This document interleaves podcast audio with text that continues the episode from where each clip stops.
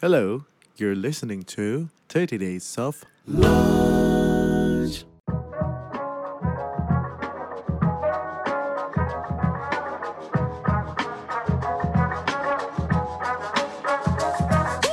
Ibu udah punya kalender setahun ke depan. Anak saya kan udah sedang kuliah semua di luar. Iya. Saya udah cek jadwal 4 tahun ke depan mereka seperti apa. Eh, Kewajiban itu hanya sekolah, jangan berharap untuk kerja di usaha keluarga. Jadi Oke. kamu cari pengalaman, kamu udah bisa buktikan bahwa diri kamu memang mampu, baru bicara. Kasarnya begitu lah.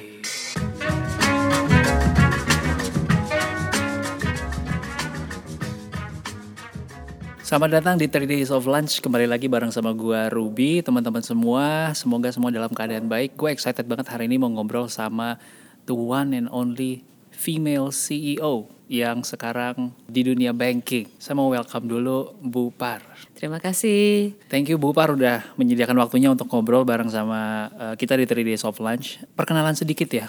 Ini versi saya. Tapi nanti monggo Ibu tambahin ya. Teman-teman mungkin di sini ada yang ngedengerin lewat audio, mungkin ada yang nonton lewat video gitu ya. Ada alasan kenapa di meja ini kita taruh martabak tipker. Ternyata kita punya makanan favorit yang sama. Sama-sama suka martabak tipker. Mungkin dari martabak dulu Bu, boleh diceritain Bu. Kenapa ini martabak ini begitu spesial buat eh, Bu Par? Ini ma- martabak ini betul-betul makanan yang favorit karena saya tuh orangnya sangat menjaga makanan. Hmm. Tapi kalau udah ketemu martabak tipker, itu semuanya pagar-pagar boleh diangkat. Jadi bablas. Jadi bablas. Saya rela lari 5 kilo lagi untuk dua potong ini gitu. sangat. Itu jadi apa, risikonya sangat justified. Sangat justified. Oke, oke. Saya juga senang karena em, aku juga pembaca bukunya Pakar ya. Eh, tidak ada yang tidak bisa dan dari kisah itu saya menemukan banyak kesamaan bahwa eh, Pakar juga orang tuanya guru ya. Ya. Betul, tuanya guru. Ada darah-darah bisa bahasa Hokiannya gitu. Saya juga ngerasa wah ini kayak relate banget. Seneng Jepang. Kalau nggak salah ada masanya juga yang ibu tuh bikin salon ya bu. Iya. Iya, Ya. namanya salon Star Salon. Star Salon. Ibu saya waktu saya kecil dari saya gede dipotonginnya sama dia bu di rumah. Karena dulu pernah bikin salon. Oh. Jadi saya ngerasa ini kayak ngebaca kisah hidup saya tapi versinya agak sedikit berbeda ya. Dan tapi yang buat saya menarik banget adalah ketika ganti nama dari nama Mandarin ke nama Indonesia. Dan menurut saya itu yang saya pengen coba Bu Par hari memperkenalkan dari si kata Surya Ujayanya. Oke. Ah, ah, boleh nggak diceritain Bu makna di belakang nama itu dan em, gimana akhirnya itu bisa menjadi namanya Bapak dan sekarang jadi nama bagian dari nama Ibu juga. Jadi tahun 60-an ya, waktu tahun Iya, 60-an, adik saya belum lahir, jadi melihat surat ganti nama kan ya sekarang Iya, ya. Jadi iya. kita berenam itu orang tua uh, dan empat uh, termasuk saya. Iya. Kita semua ganti nama dan kita tuh minta ayah. Iya. Ayah itu waktu itu minta masukan dari seniman di Bandung. Namanya almarhum Pak Barli Sasrawinata. Dia Oke. tuh pelukis, Oke. budayawan ya. Hmm, hmm. Jadi dicarikan nama masing-masing. Hmm. Yang lucunya kita baru tahu arti nama-nama itu belakangan. Jadi beliau yang mencarikan nama-nama yang meaningful, ya termasuk uh, ayah saya wajib menjadi karmaka. Iya. Uh, kemudian anak paling besar dulu dinamai Pramana misalnya kan Iya, ya iya. dan sebagainya dan saya Parwati dan sebagainya. Kalau Surya Udaynya sendiri uh, ini saya nebak ya. Iya. Honestly speaking karena saya belum pernah dijelaskan juga sebenarnya kenapa. Tapi buat saya itu jadi make sense sekarang uh, Surya itu kan matahari. Ya. ya. Jadi kayak udah ya tenaga matahari. Iya. Itu ada lagunya ya matahari itu kan kasih ibu. Jadi maksudnya bagaikan matahari Ya, uh, ya. menyinari sang bumi Ya. tanpa meminta pamrih gitu loh ya. Wow. Jadi harapannya mungkin kita bisa memberikan sesuatu yang baik juga untuk masyarakat. Iya, iya. Kalau nama Parwatinya pernah nanya nggak, Bu? Itu lucu sekali nama saya Parwati itu saya baru tahu setelah SMP. Oh ya? Sebelumnya dikira Prawati karena kakak saya Pramana. Ada kakak satu lagi Pramukti. Dipikir nama saya Prawati. Perawati. Sampai waktu lulus SD itu Mm-mm. ijazah saya masih Prawati. Hmm. Sampai waktu lihat surat ganti nama, loh kok harusnya Parwati. Jadi baru tahu dan ternyata namanya tuh eh, sangat berat juga ya quote unquote. Eh, kan kalau nggak salah Parwati itu istrinya Dewa Siwa. Oh, oke. Jadi yang the destroyer Heeh. Eh, jadi kalau Parwati datang tuh dia yang memperbaiki, yang Oke, yang bikin kalem. Ya, kira-kira begitu. Harapannya begitu. Eh, begitu juga waktu ini Bu ya. Begitu juga waktu turun ke anak-anak juga Bu. Sekarang sayanya saya sempat riset gitu ya. Sempat biasalah ya kalau anak zaman sekarang Bu. Kita tuh kepo dengan sosial media ya. Dan saya udah sempat kepoin Bupar gitu. Eh, salah satu an- eh, anaknya Bupar namanya Narendra. Betul ya. Nah menurut saya itu nama yang nggak biasa Bu. Dan saya senang ngulik dari nama. Karena di saat eh, semua anak-anak eh, itu dinamainya Kenzo, ya atau nama yang semakin aneh, ini malah semakin mengindonesia. Iya. Ada makna juga nggak bu di situ bu? Yang kedua juga sama sa- sama sang sekertanya gitu ya. Oke, Yang kedua itu sagara gitu loh. wow, Dan memang kita eh, ingin sesuatu yang lebih kita bisa relate ya. ya, ya, Cuma memang ada artinya sih. Jadi Ya. yang kedua itu sagara karena waktu hamil dia itu suka sekali laut. Jadi Hmm. kalau lautnya nggak tenang, bahwa saya itu lautnya tenang. Ya. Saya sampai pulau itu lautnya langsung ber- bisa langsung Bergejolak. berge- bergejolak lagi. Wow. Makanya namanya sagara dewa laut. Hmm. Yang Narendra itu itu agak lucu itu ceritanya. Eh, Narendra kan sebenarnya artinya raja ya, ya, sama dengan Wisnu gitu loh. Iya. Itu waktu itu dokternya ini jadi ceritanya agak agak aneh. Dokternya tiga kali USG Mm-mm. Mengatakan itu anak perempuan, oke, 100% perempuan. oke, Udah siap semua merah muda. Termasuk nama dari se- dari 12 nama, 11 nama perempuan. hmm, hmm. Oh, dokternya bilang tiga kali USG perempuan. Iya, Ternyata laki-laki. wow, Laki-laki, ya udah namanya sisa satu Narendra. satu Narendra. Dan Oh. memang waktu itu saya kalau nyari nama tuh dari itu dari apa buku-buku kisah-kisah ya. oke, Makanya oke, mencari sang sekerta dan Narendra itu kan artinya kan sesuatu yang baik ya. Iya. Wisnu. Iya. Jadi wow, interesting ya, maksud saya. interesting. Eh, untuk sebuah nama aja dipikirkan dan dan aku jadi mikir lebih jauh. Maksudnya kayak sekarang eh, Bupar sebagai CEO ya, dengan anak-anak gitu. Eh, yang saya penasaran paling pertama adalah gimana sih Bupar untuk bisa mengatur schedule dalam setahun 2021 deh. Ibu tuh di Januari gimana sih ngatur schedule-nya, Bu? Oh, jangan di Januari. Oh, enggak bukan di Januari. Enggak, harus sebelumnya. Oh, sebelumnya. Jadi eh, dari sebelumnya tuh sudah eh, pasti buat perencanaan buat setahun tuh kira-kira Iya. termasuk waktu mereka masih kecil juga ya. Ya. Jadi kan udah tahu biasanya setahun itu kegiatan sekolahnya mana yang wajib diikuti, mana yang bisa kadang-kadang di miss gitu ya. Ya. Mana yang wajib, mana yang enggak lah intinya Oke. seperti itu. Terus jadwal kantor juga sama, Ya. setahun harus ada. Ya. Kemudian eh, jadwal keluarga besar misalnya ya. Nah Ya. itu semua udah harus buat perencanaan yang jelas. Hmm. Eh, 80% diikuti, Oke. ya eh, 20 persennya ya tentu tergantung lapangan kadang-kadang berubah dan sebagainya. Ya. Tapi itu buat saya sangat-sangat krusial ya, Oke. karena eh, anak saya juga empat, pernah punya dua keponakan juga di rumah. Oke. Eh, Yang memanggil saya mama juga dia pernah jadi enam di rumah anak-anak. Jadi itu harus diatur betul dengan eh, schedule yang ketat ya. Hmm. Wow, jadi misalkan sekarang nih Bu, kita lagi syuting ini di Mei, ya Iya. kan? Ibu udah punya kalender setahun ke depan. Eh, biasanya per September saya mulai buat kalendernya. Ya. Jadi waktu Oktober November kita udah tahu kira-kira next year itu akan Next year seperti, akan seperti apa? Ya. Jadi kalau saya buka kalender Ibu sekarang itu udah ada slot-slot, oh tanggal segini nih anak gue terima rapot. Udah, udah, udah. Wow, Udah, bahkan sebelum memulai tahunnya. Belum. Bahkan ini kalau kayak sekarang nih, anak saya kan udah sedang kuliah semua di luar. Iya. Saya udah cek jadwal 4 tahun ke depan mereka seperti apa. Liburnya kapan. Wow. Terus akan wisudanya kapan. Wow. Terus saya udah catat dulu. Pastikan jangan ada meeting-meeting besar di slot-slot yang kita wajib hadir ya. Oke. Oke. Karena memang kan ada momen-momen yang mau nggak mau kita tuh harus ada di situ. Oke, oke. Itu secara sadar dilakukan karena menyadari, oke, peran saya yang paling pertama dan utama adalah ibu. Atau gimana, Bu? Itu semua tanggung jawab ya.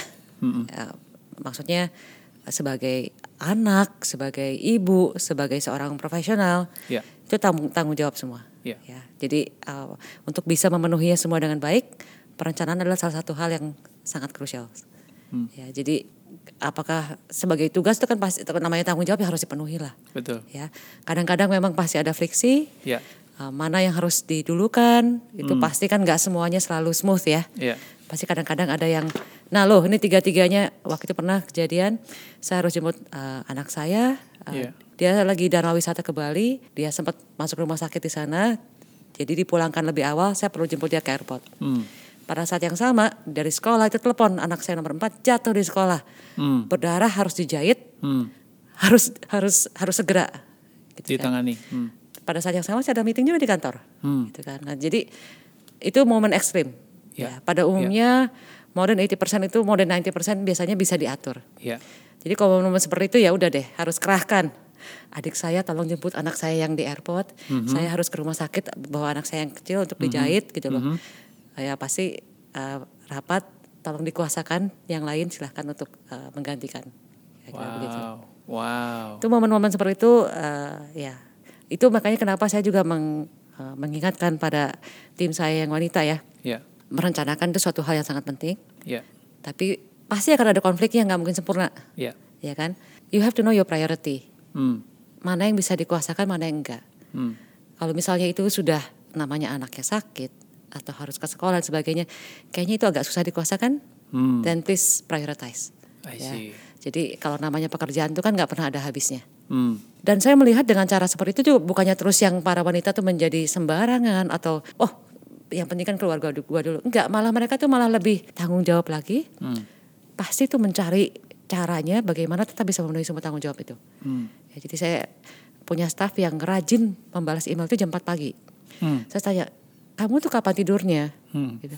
Iya, saya tidurnya jam 8 malam sama anak saya. Mhm. Udah gitu, jadi saya bisa bangun jam segini ngerjain eh, email. Kalau enggak, anak saya pasti saya tuh nggak bisa temani. Hmm. Itulah seninya eh, ibu-ibu yang punya eh, anak ya. Iya, dan sambil bekerja. Sambil bekerja. Wow. Jadi kalau saya dapat silver liningnya di sini adalah teman-teman tugas seorang ibu tidak bisa dikuasakan. Iya, makanya kalau saya bicara dengan generasi berikutnya itu harusnya ke depan itu eh, tadi ya lebih setara. Mm-mm. Eh, kalau saya cerita sama anak-anak saya laki-laki tuh, Ya. kamu tuh jangan hanya berpikir bahwa ke sekolah kan sekarang tuh kalau zaman sekarang ke sekolah di Indonesia itu pasti 90% bapak, eh, ibu-ibu kan. Ibu-ibu betul. Ya, bapaknya jarang sekali. Kalau bapaknya suster. aneh gitu kan. iya, saya bilang itu kamu nggak bisa. Kamu Ya. bukan hanya ibunya gitu loh. Ya. Kamu harus take charge juga, kamu harus share juga. Ya. Karena itu juga akan memberikan kepuasan yang luar biasa. Hmm. Dan anak pun sangat perlu dua figur itu ya, nggak bisa Iya. hanya salah satu kan. I see.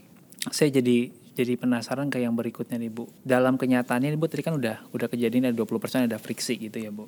Em, ada nggak sih Bu saran buat teman-teman di sini yang lagi mengatur waktunya mereka, time management mereka? Perlu nggak sih kita naruh pagar-pagar Bu? Kayak, no kalau situasi kayak gini saya akan dahulukan keluarga. Rasanya sih pagar-pagar perlu ya. Iya. Dan satu hal selain perencanaan yang sangat diperlukan juga adalah uh, tim yang mendukung Iya.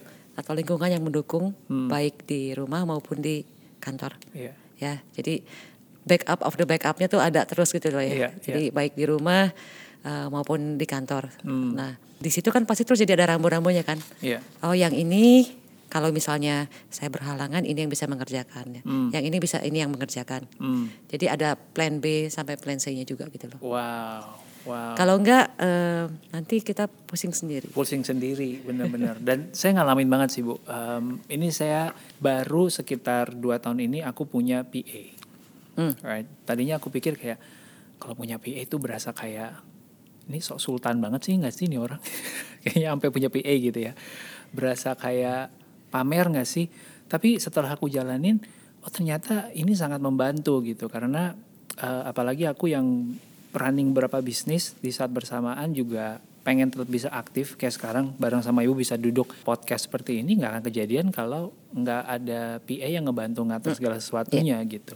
Tadi sih saya udah lihat seliweran nih Bu ya.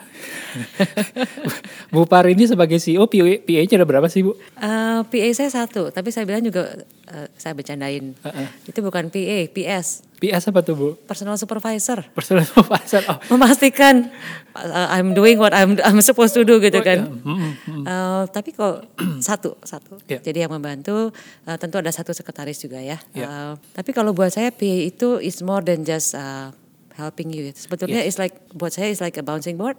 ya Kan kadang kita juga oh kamu ada ide apa gitu kan. Ya. Kadang juga bisa mengingatkan betul. yang kenapa nggak begini, kenapa nggak begitu ya. Hmm, hmm. Kadang kan nggak semua orang uh, berani juga menyampaikan gitu Iya. kan.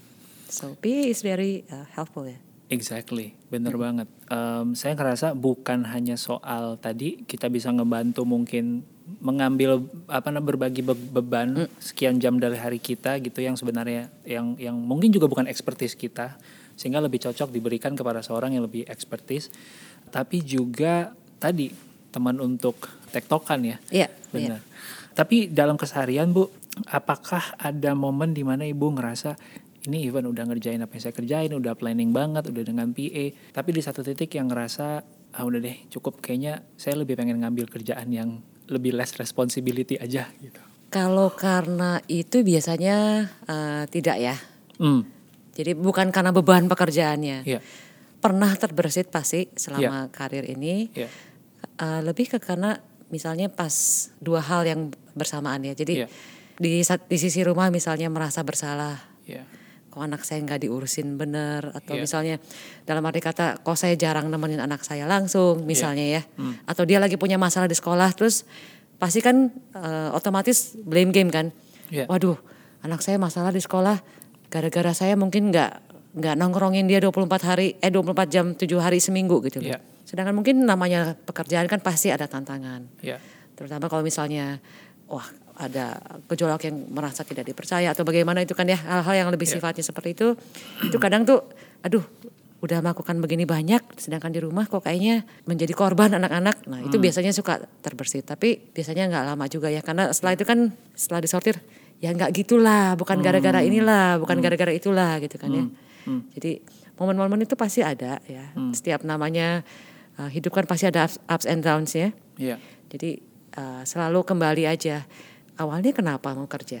Tujuannya apa kenapa mau kerja? hmm. Ya kan? Kita bisa keep track juga ya. In your case kayak gimana tuh Bu? Waktu itu resolve-nya? Oke. Saya suka ditanya juga kenapa sih ngapain kerja gitu kan?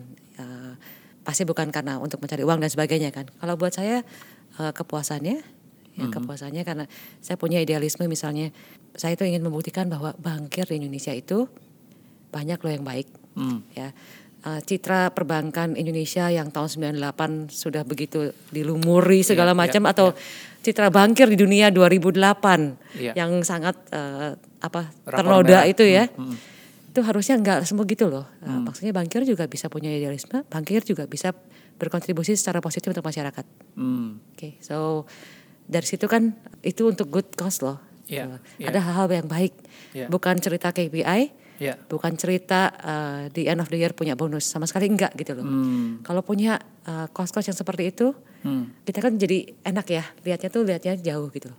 I see. Ya. Oke, oke. Ini menarik nih, udah mulai menyentuh soal eh, so- sedikit soal duit ya.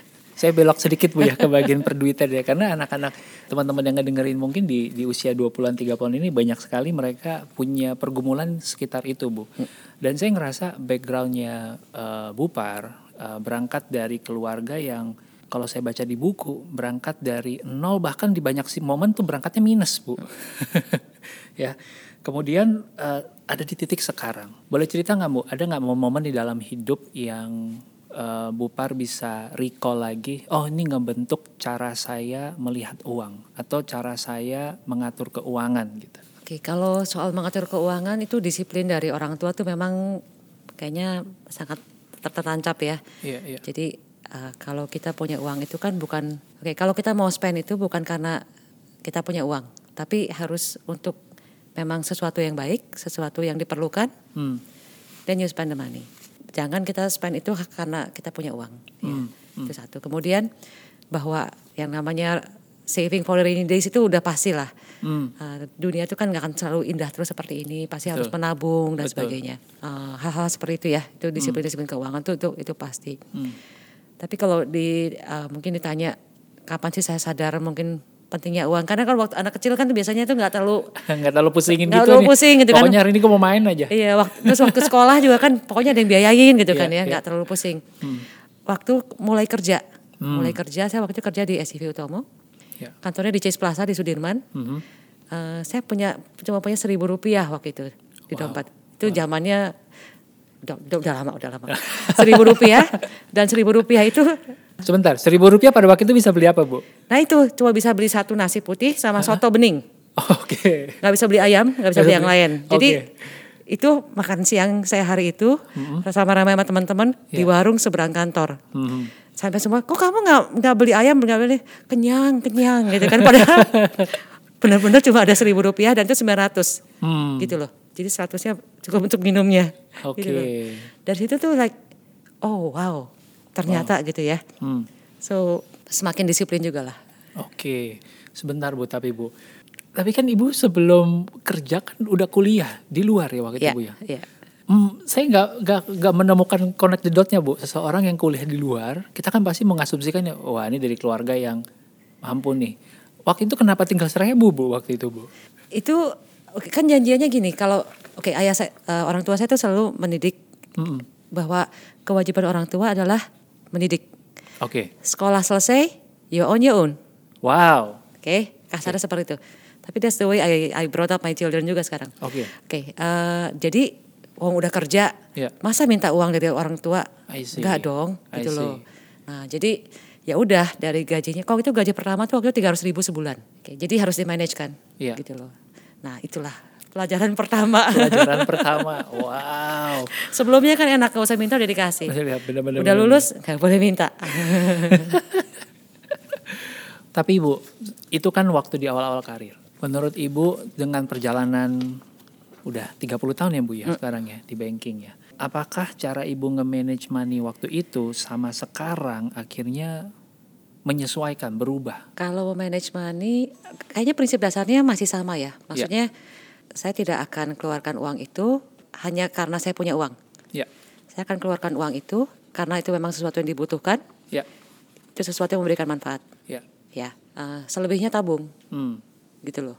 hmm, Jadi prinsip itu masih sama, ya, cuma ya, mungkin yang berbeda eh, lebih ke bagaimana berinvestasi, ya, ya lebih ke situ sama eh, apa mungkin time horizonsnya ya. Kalau dulu kan mungkin nabungnya mikirnya tahun depan atau tiga tahun lagi, sekarang lebih ke oke nanti kalau sudah tidak bisa bekerja misalnya kan sudah Iya. siapkah ya, ya untuk berapa puluh tahun dan sebagainya untuk kesehatan untuk dan sebagainya. ya, ya. Lebih, lebih panjang lah melihatnya.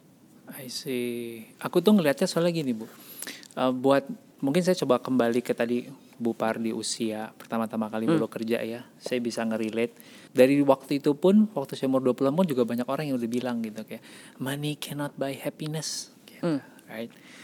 Tapi buat orang yang punyanya cuma seribu, buat beli nasi sama soto bening seribu itu happiness gitu kan. gitu. Nah, eh, yang aku mau tanyakan adalah apakah statement ini buat ibu masih sesuatu yang sebenarnya udah overuse, nggak relevan, atau memang kita harus memaknainya dengan cara yang berbeda-beda? Bahwa money cannot buy happiness. Iya, Oh sangat setuju sih. iya, I think it's uh, maksudnya sampai zaman kapan pun itu harus uh, menjadi satu hal yang kita pegang ya. Hmm, bahwa uh, buat saya uang itu adalah bukan tujuan. Hmm, tapi alat. Oke, alat untuk apa? Ya untuk uh, mencapai apa yang kamu ingin capai kan ya? Iya, termasuk uh, dari menyekolahkan anak uh, membuat sesuatu yang berkarya yang baik Iya. kan? Uh, memberikan apa men- uh, mendukung hal-hal yang memang pantas didukung Iya. gitu loh.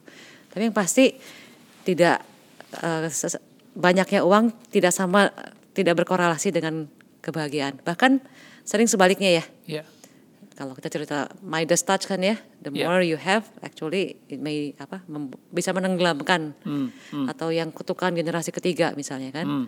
Eh, orang tuanya mencari uang dengan susah payah, generasi kedua bisa meneruskan, generasi tiga nih uangnya sudah berlimpah menghabiskan, menghabiskan karena tidak merasa tidak eh, akan habis uangnya, Iya. merasa tidak perlu belajar, merasa Iya. tidak perlu apa-apa gitu. Iya. Jadi actually kalau saya melihat terlalu banyak uang itu malah bisa menjadi curse ya, Oke. jadi kutukan. On that note bu, Hmm. berarti sekarang kan Bu Par generasi kedua ya bu? Actually itu mulai dari kakek saya sih. Oke, generasi ketiga ya. Iya. How would you pass on to your kids Oke. the next generation soal ini? Oke, kalau to, to be fair kan eh, sekarang kan sudah OCBC. Oke, ya. Oke, iya, keluarga iya. hanya tidak sampai 5% sahamnya. Betul, hmm. Jadi I see myself as professional di sini. I see. Oke, tapi kalau tadi tetapkan aset keluarga itu bagaimana? Eh, kalau buat saya prinsipnya tough love. Oh, tough love. Iya, jadi Menarik. Saya suka tough love. eh, sangat Gimana bu? itulah. Jadi kalau anak saya komplain misalnya, Hmm. misalnya yang paling paling simpel, eh, mereka sekolah di luar, Ya. teman-temannya naik bisnis kelas semua. Hmm. Saya tetap ngotot, enggak, kamu harus naik ekonomi. Oke. Oke, kamu udah bersyukur, kamu bisa terbang ke sana, kamu Iya. bisa sekolah di sana, kamu harus Iya. bersyukur. Ya. Bukan masalah ada atau tidak dananya. Ya. Wah itu pertamanya ngomelnya. Dikiranya saya tuh ibu tiri kejam sekali teman-temannya begini begitu. Itu itu literally seperti sem- sempat, sempat berantem berkali-kali gitu loh. Iya. Ini baru ngo- minggu lalu nih pas kalau dia ngomong. Iya. Untung ya saya diajar seperti itu. Wow. Bahwa selama tahun-tahun itu saya harus naik ekonomi. Jadi saya tuh bisa mengapresiasi. Hmm. Ya bahwa apa artinya jangan take things for granted. Hmm. Jangan merasa entitled. Hmm. Jangan merasa sudah semestinya. Hmm. Saya berhak untuk itu. Enggak. You have to earn it. Hmm. Ya, to me that's tough love ya. Oke. Gitu loh. Sama halnya dengan kalau anak saya salah ya anak saya salah gitu loh. Hmm. Saya ingat waktu itu di sekolah. Ya. Jadi anak saya tuh cukup nakal, jadi saya sering dipanggil ke sekolah. Dan saya selalu nurut sama gurunya dan saya malah pasti di sisi gurunya. Iya hukum aja. Cukup nggak hukumannya? Kira-kira begitulah. saya lebih menganggap begitu karena buat saya kalau anak itu salah jangan dibela dong. Hmm. Kalau anak itu salah kamu membela itu kamu mencelakakan dia gitu loh. Iya. Ya, jadi nah dengan disiplin-disiplin seperti itu jadi anak-anak tuh kan harus tahu mana yang benar, mana yang salah. Salah. Ya kan? Jangan mereka terus di dibela seolah-olah karena saking sayangnya kita harus membela terus gitu loh. Itu yang buat saya nanti akan mencelakakan.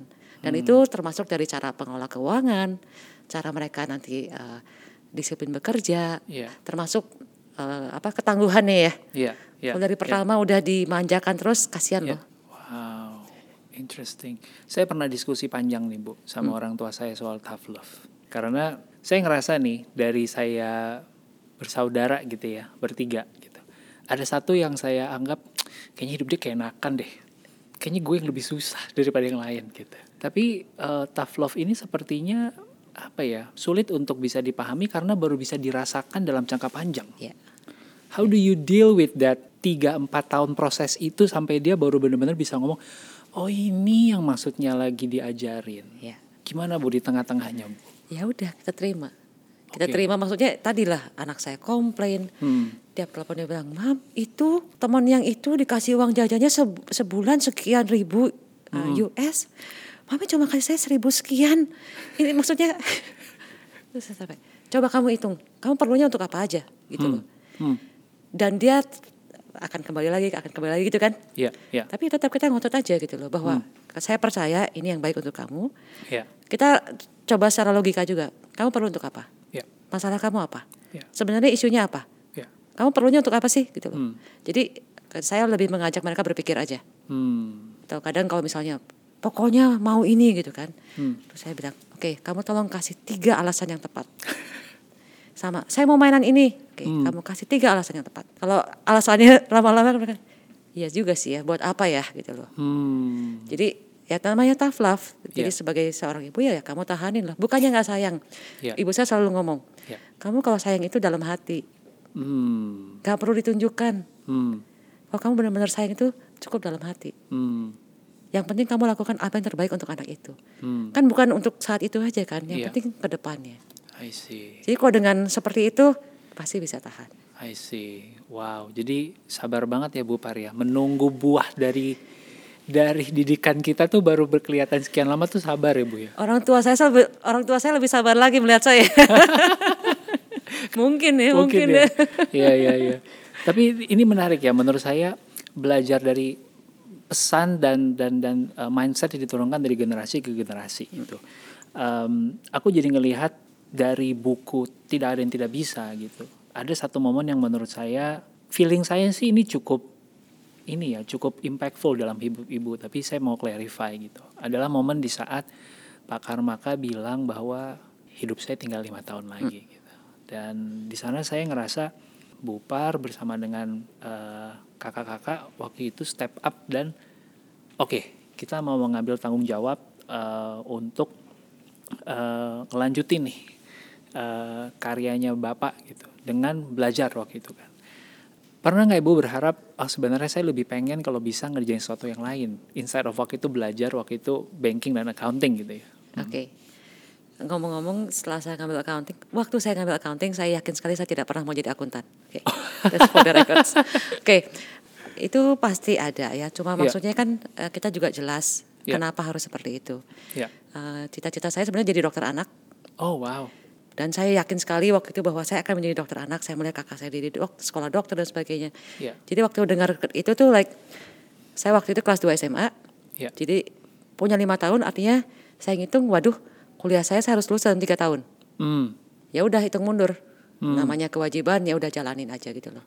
Eh, dan ya kembali mungkin generasi saya itu kan masih dibesarkan dengan hey it's your role, let's do it gitu loh. Ya. Kan it's not only about yourself, Ya. Ini about uh, your responsibility gitu. Hmm.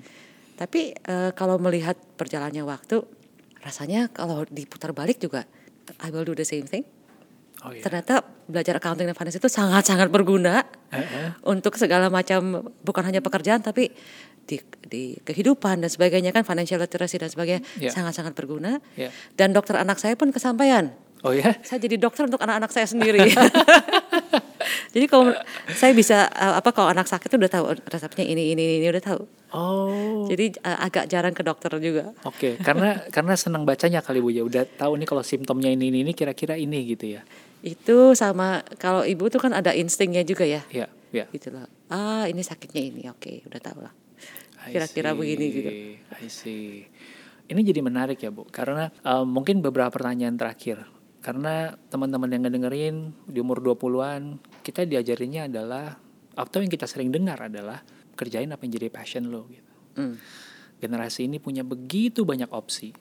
Sementara kadang-kadang kalau saya nengok ke orang tua saya juga, ternyata punya nggak punya banyak opsi, kadang-kadang malah bagus juga ya gitu. How do you see this balance bu antara generasi yang harus ngerjain apa yang dia suka dengan sudah banyak opsi sama oke gue mengerjakan apa yang menjadi tanggung jawab gue. Oke, eh, saya percaya besarannya bahwa selama kita mulai sesuatu itu dengan niat yang baik, Ya, kita melakukan yang terbaik, ya. itu semua pasti ada jalannya. Hmm. Dan pasti itu adalah yang terbaik buat kita. Tapi to be fair, waktu saya mungkin dulu ditanya juga, passion kamu apa sih? Ya. Mungkin juga nggak tahu kali ya. Hmm. Tapi kalau sekarang juga dengan begitu banyak informasi, Ya. para Gen Z itu kan juga mungkin mel- melihat oh itu keren oh di sosial media ini kayaknya bagus sekali this is what I want to be dan sebagainya Hmm. bisa ya bisa enggak Ya. jadi eh, kalau buat saya kembali ke prinsipnya ya Ya. Eh, niat kamu maunya apa Ya. Eh, tujuan kamu apa dan that's it that way gitu loh Oke. Oke. Jadi untuk mencapai tujuan kita itu yang yang nomor satu sehingga jalan menuju tujuannya bisa macam-macam ya. Bisa kamu mau lewat passion kamu, kamu mau lewat ya mungkin case kayak ibu gitu ya, menjalankan tanggung jawab yang diturunkan dari orang tua itu juga bisa tercapai tujuannya pada akhirnya. Alright, ini masih nyambung nih Bu Par sama yang tadi kita bicara soal em, pilihan yang begitu banyak di antara anak muda gitu ya. Dan eh, Bu Par pernah ngejalanin eh, dua fase, di mana satu company adalah eh, bagian dari eh, usaha atau bisnis keluarga dan kemudian menjadi sebagai profesional juga gitu. Em, yang sekarang jadi rame adalah kesannya bahwa eh, teman-teman yang pengusaha ini tuh kayaknya lebih kasarnya lebih tinggi gitu. Mungkin em, sedikit pencerahan karena ibu pernah berada di dua eh, dunia yang berbeda buat teman-teman di umur 20-an. What's your take untuk mereka yang sekarang lagi membingungkan antara gue menjadi pengusaha atau gue menjadi profesional? anak saya juga kebetulan 20-an jadi Iya. nasehatnya kira-kira akan sama ya Iya, keduanya pasti sama baiknya iya, Tapi kalau buat saya, kamu kalau baru lulus sekolah itu sebaiknya kamu jangan jadi pengusaha dulu, Mhm. tapi kamu malah bahkan harusnya bekerja dulu, cari pengalaman dulu. Ya Kenapa ibaratnya kalau kalau kurva pengusaha itu kan, wah di awalnya enak, cutinya bebas, nggak punya atasan yang cerewet, nggak ada atasan-atasannya yang selalu ngejarin gitu kan Iya, ya. iya, iya. Kurvanya eh, mungkin income-nya cepat di awal, tapi setelah itu relatif flat. Hmm. Kalau sebagai profesional itu akan relatif kurvanya mungkin awalnya lebih landai tapi nanti lebih lebih steep di belakangnya. I see. Eh, mungkin korelasi lain lagi itu seperti apa sama anak saya juga nanya, waktu itu apakah dia mau menjadi dokter, apakah dia mau menjadi bukan dokter gitu ya atau Ya. jadi profesional dalam arti kata. Ya. Dan kalau dia jadi dokter itu atau mungkin seperti korelasi peng- pengusaha lah ya, Iya, iya. eh, menyembuhkan satu orang, dua orang, tiga Ya. orang sehari 10 pasien, 20 pasien, Iya, tapi relatif terbatas ya. iya. Tapi kalau misalnya sebagai uh, uh, professionals, kamu bekerja di organisasi yang besar Iya. atau mungkin di negara dan sebagainya, you can have a bigger impact. Iya. Jadi kamu bisa memberikan lebih banyak dampak, Hmm. bisa lebih banyak merealisasikan idealisme atau impian yang menurut kamu harus bisa direalisasikan gitu loh. Hmm. Jadi uh, sebenarnya sama, saya merasakan merasakan itu juga. Kadang Iya. saya juga berpikir ah wirausaha kayaknya lebih enak gitu ya. Iya. Nggak usah harus laporan ini, laporan itu, harus wah segala macam kontrol dan sebagainya. Aduh ribet Iya, banget. iya.